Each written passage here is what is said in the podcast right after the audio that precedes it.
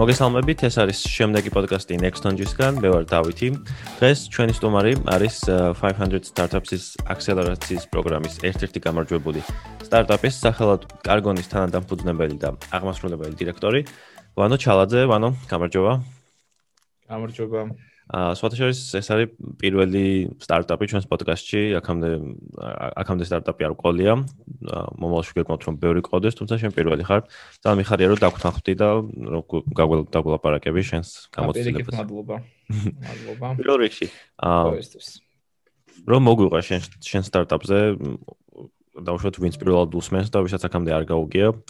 აა აი რო გითხრა რა არის და როგორ მუშაობს. კარგონი არის ელექტრონული ლოგისტიკური პლატფორმა, რომელიც აკავშირებს ტვირთის ფლობელს გადამზიდავთან. რამოდენიმე ხილვაგზით დიდი საჭირის მეშვეობით. რაც თავარია, ანუ ძირითადი პრობლემა რა იყო ინდუსტრიაში, რომ კომპანიებს უჭირდათ მოძიება საიმედო და საიმედო და შესაძერისი ავტოგადამზიდის და რაც ხშირ შემთხვევაში დიდ დროს დიდ დრო მიქონდა. ანუ საშუალო შეიძლება 3 დღე დაჭირვებოდა იმას, რომ მოგეწია მანქანა, მოგეწია ფასი, შემდეგ იყო ეს შენი ტვირთისთვის განკუთვნილი თუ არა და მაქედან გამომდინარე და რაც თავარია, ანუ ინფორმაცია, ინფორმაციის გაცვლა ტვირთის ფლობელსა და გადაბზის შორის არის ძალიან მცირე. ანუ ზუსტად არის სად არის შენი მანქანა, რამდენ ხანში იქნება, რამდენ ხანში მოვა, რამდენ ხანში ჩაიტანს ტვირთს და ფიზიკურად ვერ ხედავ შენ ტვირთს. ხო, ეს ანუ ადრე ხო დაუშვათ? ჩვეულებრივად როგორ დიახ ხო ეს ადრე როგორც ტრადიციულ ინდუსტრიაში როგორ ხდება? და ჩვენი პლატფორმის მეშვეობით იქიდან გამდინარე რომ პირდაპირ უკავშირდები და გადამზდით და არ გჭირდება ბროკერები თუ ფორვარდული კომპანიები ფასი მნიშვნელოვან ნაკლები ხდება ტვირთის ფლობელისთვის და ასევე ხელს უწყობს გადამზიდავებს რომ გამოიმუშავონ უფრო მეტი. ა ნიშნულოვანი არის ის ჩვენ პლატფორმაზე რომ რეალურ დროში შეგიძლია ტვირთი ნახო სად მდებარეობს. გამდინარე იქიდან რომ ჩვენს მწოლებს და ლოგისტიკურ კომპანიებს რომელიც ჩართულები არიან ჩვენს ლოგისტიკურ სისტემაში აქვთ მობილური აპლიკაციები. შესაბამისად ჩვენ მათი გეოლოკაცია ვიცით და ტვირთის ფლობელს აქვს შესაძლებლობა რომ რეალ დროში ადენოს თვალი ტვირთის მოძრაობას. ხო. აი პრინციპში რა როგორც ტაქსი ძახებ დაუშვათ ხო? ან ამის ანუ კი ზუსტად პრინციპი დიახ, პრინციპი არის არის Uber-ი, Bolt-ი დღესდღეობის საქართველოში რაც არის. დიახ, დაახლოებით ეს სისტემა არის. ინასტარ ფარს ვუთვლით და შემდეგ უკვე ეს ექსაუნება მწოლებს. აი, მსგავსი ანალოგები იყო მაგალითად ან საქართველოს ანუ თუნდაც საერთაშორისო ბაზარზე, აი, თლიან თლიან დრო შევხედოთ. თუ დავშოთ პირველია. მსგავსი არა მსგავსი ანალოგი არსებობს ამერიკაში. ჩვენ როცა დავიწყეთ ამაზე მუშაობა რეალურად მაგ დროს არ მოიძებნებოდა მსგავსი კომპანიები, მაგრამ შემდეგ ძალიან ბევრი კომპანია გამოჩნდა, რომელიც ამ მსგავს ასე მსგავსი მიდგომით ცდილობს, რომ გადაწყვიტოს ეს არაეფექტურობები ჩვენს ინდუსტრიაში, ლოგისტიკაში. არის მსგავსი კომპანია Convoy ამერიკაში, რომელიც დღეს უკვე unicorn-ი არის და დაახლოებით 2 წელი არას ოპერირებენ და 2 წლის განმავლობაში მოახერხეს და მოახერხეს და გახდნენ unicorn-ები. არის Uber Uber Freight, რომელიც ასევე ან Uber-ის ცალკე კომპანია არის, რომელიც ამითი არის დაკავებული. აა შესაბამისად კი არის, მაგრამ ჩვენს ჩვენს ასე ვთქვათ რეგიონში აა არ არის ასე ვთქვათ განვითარებული ტექნოლოგიურად ეს სფერო და შესაბამისად გვაქვს ასე ვთქვათ პოტენციალი იმისი, რომ გავიზარდოთ და შევიდეთ ჩვენს რეგიონულ ასე ვთქვათ ბაზრებზე. Unicorn-ი არის ევროპაში მაჩვენებს 1 მილიარდზე მეტი ღირებულების სტარტაპი ხო მგონი? დიახ, დიახ, დიახ, დიახ. unicorn-ი არის კი 1 მილიარდზე მეტი. ახლა Convoy-ის ვალუაცია დაახლოებით 5 მილიარდი არის დღესდღეობით. ჰმმ. აა აი 500 სტარტაპში მონაწილეობა როგორი იყო, რა სირთულეები იყო გამოწვევები? ისე აი აქსელერატორით შეგვიძლია გითხრა რაში ეხმარება ყველაზე მეტად სტარტაპს ან რა არის საერთოდ? კი, მეც ხა ეს ჩემთვის პირველი გამოცდილება იყო აქსელერატორის პროგრამის, ესე ზოგადად 500 სტარტაპი ალბათ ყველა სტარტაპერმა იცის რა რა ორგანიზაცია არის და ყველა მიცის რომ არის ერთ-ერთი პირველი ორგანიზაცია აქსელერაციის პროგრამაში და ზოგადად სტარტაპების ხარდაჭერისთვის. ძალიან ბევრი იუნიკორნი ასლო კომპანია არის მათ პორტფოლიოში უკვე. და ეს გამოცდილება, ანუ რაღაც მოლოდინები არსებობდა, რომ რაღაც ეს მენტორები დაგვეხმარებოდნენ სწორი გადაწყვეტილების მიღებაში, სწორი, ასე ვთქვათ, პროდუქტ ჩვენი სერვისის დახვეწაში და განვითარებაში, მაგრამ რეალურად აქსელერაცია არის ის, რომ ძალიან სწრაფად ხდება შენი ზრდა, კომპანიის ზრდა. ანუ მაგითო ქვია აქსელერაცია. და ეს მე არ წარმოვიდგინე, რომ ესეთი მასშტაბი შეიძლება რაღაც პროდუქცია შეიცვალოს და განვითარდეს ესეთ მოკლე დროში. დაახლოებით პროგრამა ტარდებოდა 4 თვის განმავლობაში და 4 თვის განმავლობაში თითქმის შეიცვალა აბსოლუტურად ყველაფერი ჩვენს ასე პლატფორმაზე. დაწყებული დიზაინი, დაწყებული ფუნქციონალით, დაწყებული ასე ვთქვათ სტრატეგიით, როგორ უნდა განვითარდეს კომპანია, გაყიდვები, მარკეტინგი, ანუ თუ გაიზარდა, ანუ ზომაშიც გაიზარდა კომპანია, ხო, ხო, მაგ კი, მაგას გულისხმობ, რომ კომპანია გაიზარდა, გაიზარდა თანამშრომლობით, მოიზიდა ინვესტიციები ამ მოკლე პერიოდში, დამატებითი და ჩვენ ჩავეშვით სხვა ბაზარზეც უკვე საქართველოს ფარგლებს გარეთ და ეს მოხდა ძალიან მოკლე პერიოდში, რომელიც აქამდე ჩვენთვის წარმოუდგენელი იყო. და ხო, ანუ სირთულეებს რაც შეეხება თვითონ აქსელერაციის არის ძალიან ინტენსიური, ყოველდღიური ჩართულობა არის საჭირო, შეიძლება მთელი დღე იყო ჩართული თვითონ მუშაობა მუშაობაში. აი კონკრეტულად აი ეს როგორ არის, მაგალითად აი აი როცა ხარ ეს აქსელერაციის პროგრამაში ჩართული, ყოველდღიურად მაგალითად აი რას რა ხდება განსხვავებული, მაგალითად მუდმივად კომუნიკაცია გაქვს აი მენტორებთან, ან ეს გაცვლა გამოცვლა რჩევები. კი. აჰა. აა გამომდინარე იქიდან რომ კოვიდის პერიოდი გვაქვს, დისტანციურად იყო დიდი ნაწილი აქსელერაციის, ანუ ხდებოდა ლექციების ჩატარება სუმის მეშვეობით. აა ყოველდღე არის ლექციები, მარტო ოთხშაბათს და პარასკევს იყო, როცა ლექციები არ დარდებოდა. მაგრამ ამის გარდა, ლექციების გარდა კიდევ ქონდა საშუალება, რომ თითოეულ მენტორს გასაუბრებოდი office hour, ანუ შეგეძლო 1 საათი, ანუ კვირაში რამდენჯერაც დაგჭირდებოდა იმდენჯერ შეგეძლო გასაუბრებოდი კონკრეტულად შენს პროდუქციაზე, კონკრეტულად შენ სტარტაპზე და მიგიღო რჩევები შენი, ასე ვთქვათ, ზუსტად შენზე მორგებული რჩევები. ეს ეს იყო ყველაზე ფასეული ჩემი აზრით, გარდა იმ ლექციებისა, რომელიც ზოგადად ასე ვთქვათ, ზოგადი იყო ყველა კომპანიისთვის, მაგრამ ძალიან პრაქტიკული ასე ვთქვათ ლექციები. და შემდეგ უკვე ლექციების შემდეგ შეგეძლო გასაუბრებოდი უკვე მენტორებს და კონკრეტული რჩევები მიგიღო უკვე შენს პროექტთან დაკავშირებით. საინტერესოა. საქართველოს გარდა ახსენე რომ სხვა ბაზრებზეც უკვე ხართ. ამ დაახლოებით რამოდენიმე ასე ვთქვათ ერთი თვის უკან ჩვენ ჩავეშვით რუსეთის ბაზარზე. ჩვენი ერთ-ერთი დამფუძნებელი ასე ვთქვათ უცხორობს დაფუძნებულია რუსეთში. და შესაბამისად იქ აგვიმარტივდა რომ ჩაგვეშვა ჩვენი აპლიკაცია. იქიდან გამომდინარე რომ ასე ვთქვათ ჩვენს გარშემო რუსეთი არის ერთ-ერთი ყველაზე დიდი ბაზარი ლოგისტიკისთვის და ასევე მსგავსი ანალოგიური გადაწყვეტილებები რუსეთის ბაზარზე ჯერჯერობით ძალიან მცირე არის და ასე ვთქვათ აქტიურად არ ოპერირებენ ჯერჯერობით. აა აქედან გამომდინარე იყო იმის ასე ვთქვათ საშუალება და პოტენციალი რომ ჩვენი ჩვენი პროდუქტი, ჩვენი სერვისი გამოგვეყენებინა ისეთ ბაზარზე როგორც არის რუსეთი. ეს ყველაფერი ანუ საავტომობილო სატვირთო გადაზიდვებზეა ხო? რაიმე კიდევ სხვა ის სხვა არის? ეს არის სახმელი.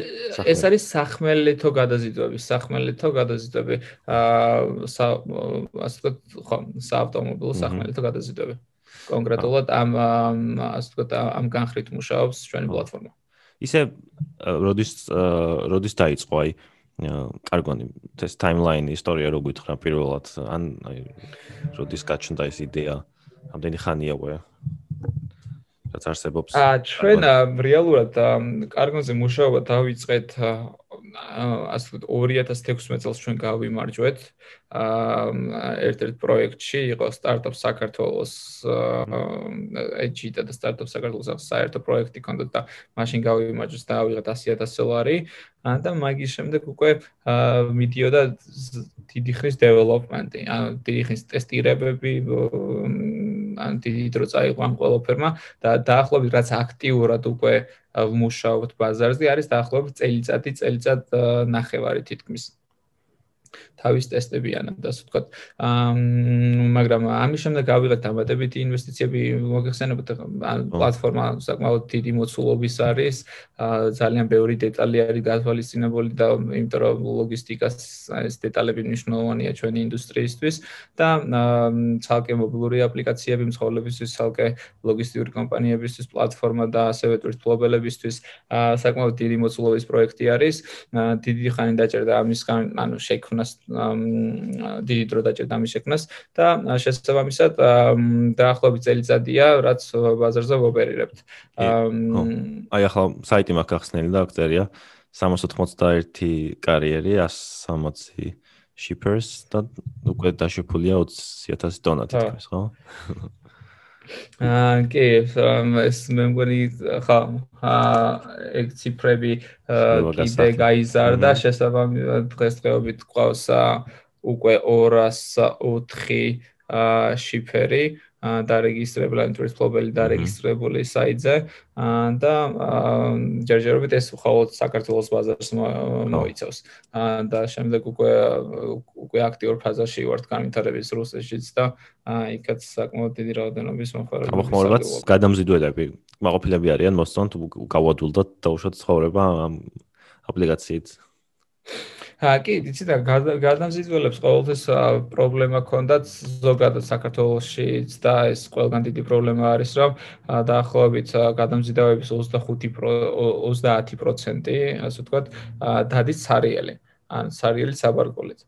ამ იქიდან გამომდინარე რომ როგორც ვახსენე ეს კომუნიკაცია თვითმფლობელსა და გადამზიდავის შორის არ არსებობს და ხშირ შემთხვევაში მხოლოდ კომპანიების 10%-ზე მიდის ეს თვითმფრინვა ანუ კომპანიების გადამზიდი კომპანიების. ხო. არიან 90 90% ამ ასე ვთქვათ ლოგისტიკური კომპანიების ფლობენ 10 მანქანაზე ნაკლებს და შესაბამისად ძალიან ფრაგმენტული არის. ანუ ეს ტვირთები ძირითადად მიდის დიდ მსხვილ კომპანიებში. შესაბამისად ჩვენი პლატფორმის მეშვეობით ზუსტად მცირე კომპანია, საშუალო ზომის კომპანიებს, პატარა კომპანიებს და ასევე ინდივიდუალურ მსხვილებს უჩნდებათ ძალიან დიდი რესურსი ტვირთების აღების. ხო, აი ინდივიდუალურ პრობლემებზე, აი ალბათ შეიძლება ქვეყნების მიხედვით განსხვავდება, მაგრამ მე რომ მყავდეს დაუშვათ სატვირთო ავტომობილი, შემიძლია პირდაპირ გადავრეგისტრირდე და გავაკეთო თუ რამე არის საჭირო, არ ვიცი რაღაც. ამე აა ესე იგი არა ანუ აპლიკაცია კარგონი არის როგორც Android-ზე ასევე App Store-ზე ანუ Apple-ის smartphone-ებზე შესაძლებელია შეუძლიათ გადმოიწეროთ დარეგისტრირდნენ და რეგისტრაციაც მარტივი არის დაახლოებით 2 დღეში ჩვენ უკავშირდებით რომ გავიაროთ ასე ვთქვათ ვალიდაცია ანუ ნამდვილად მსხოლი არის ნამდვილად ფლობს ყველა დოკუმენტაციაც რაც საჭირო არის და შემდეგ უკვე ერთობა ჩვენ სისტემაში. ჩვენს პლატფორმაზე იდება შეკვეთები, პირდაპირ მსხოლებს მისდით ეს შეკვეთები მობილურ აპლიკაციაზე, ნახულობენ წინასწარ ფას, გარანტირებულ ფას, ანუ რასაც ხედავენ ტვირთს არის გარანტირებული ტვირთი და გარანტირებული ფასი, შესაბამისად ვისაც აწყობს ასე ვთქვათ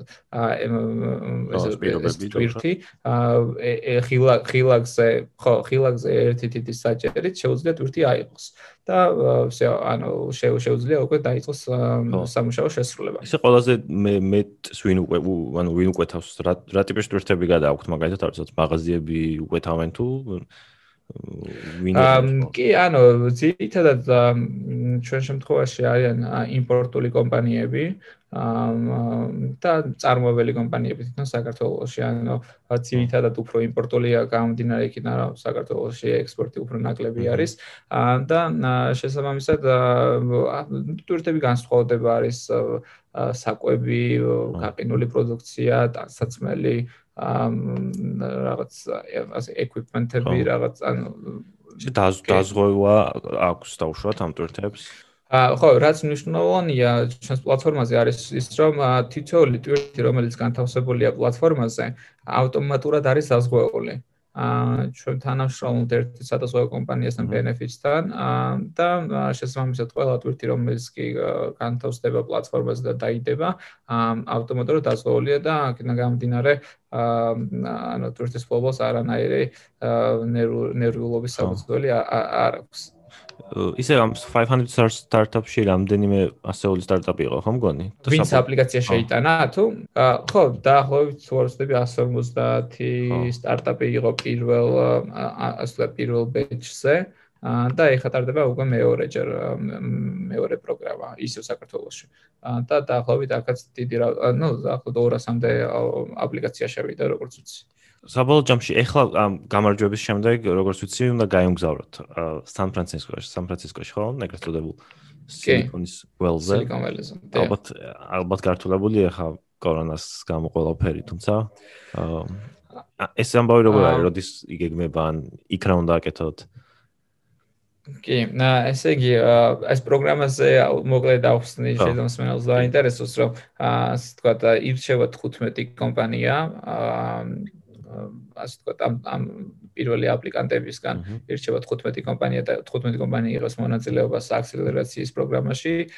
შემდეგ ირჩევა ამ 15-დან შემდეგ რაუნდზე ასე ვთქვათ გადადის 10 კომპანია, მაგრამ 5 იღებს დამატებით დაფინანსებას. 15 ეს 15 კომპანია თავიდანვე იღებენ დაფინანსებას რაღაც რაოდენობის. შემდეგ უკვე ირჩევა მეორე რაუნდისთვის 10 კომპანია, მაგრამ 10-დან მხოლოდ 5 იღებს დაფინანსებას და შემდეგ ამ 5 კომპანიიდან ასე ვთქვათ ირჩევა ორი კომპანია, რომელიც დაფინანსებას იღებს და შემდეგ უკვე Silicon Valley-ზე მიემგზავრება.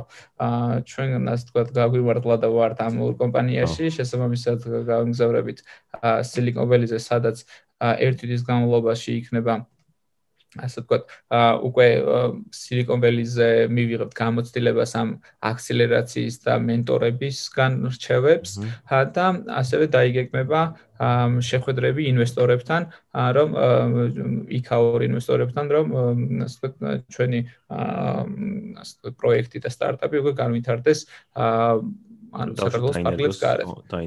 კი, დაენერგოს თუნდაც არ შესაძლებელი ამერიკაშიც კი გაკეთდეს ეს ასე თქო ჩვენი პროექტი. აა შესაძლოა ძალიან საინტერესო იქნება თვითონ იქ მოგზაურობა, იქ გაზიარება იმ გამოცდილების რაც Silicon Valley-ზე არის და რაც თავარია გვექნება იმის საშუალება რომ მოვიზიდოთ დამატებითი ინვესტიციები სტარტაპის განვითარებისთვის. ხო, ძალიან საინტერესოა. ეს როდის იგეგმება, ანუ როდის არის გამგზავრება და ეს იგეგმება აპრილში.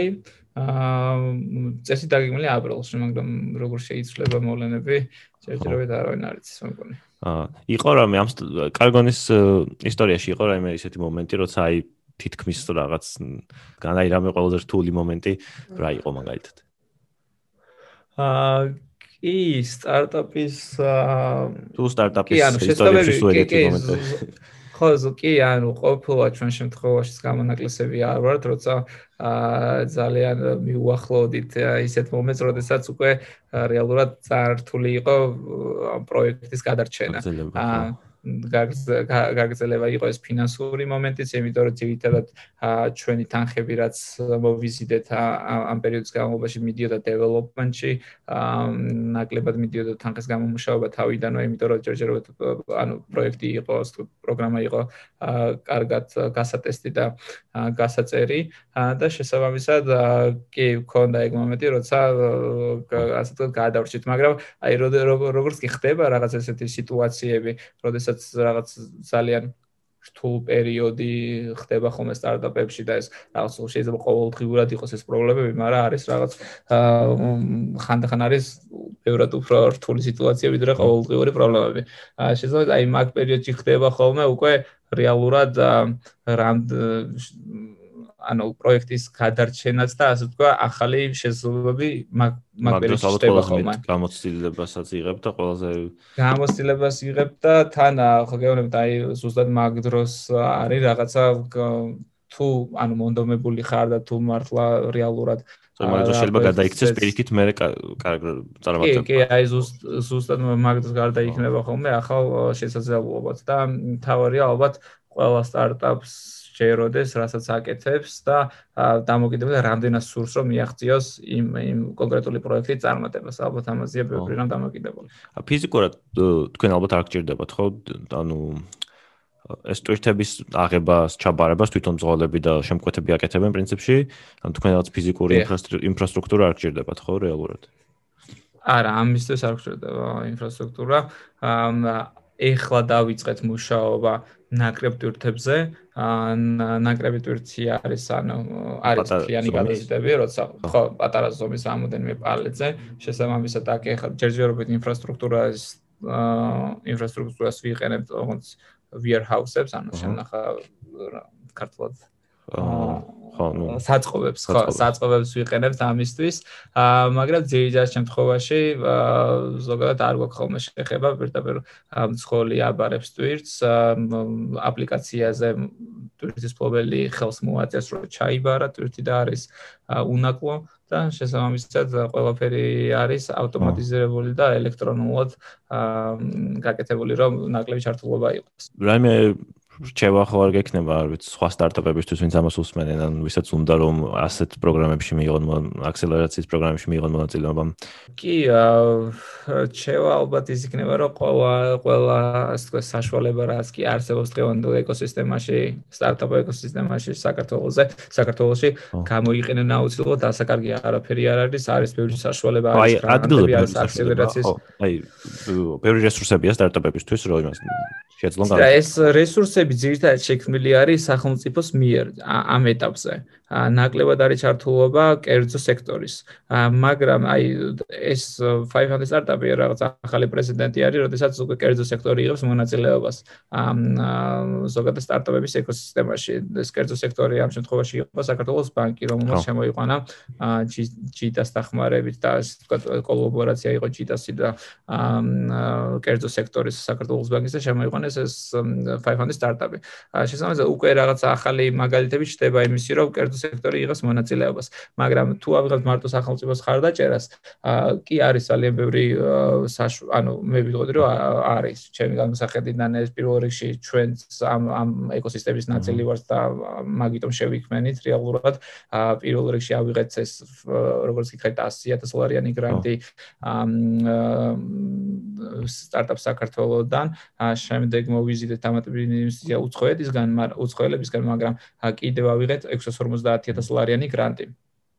აა ესეც ჩიტას ჩიტას პროექტი არის. აა და ესეც გრანტი არის.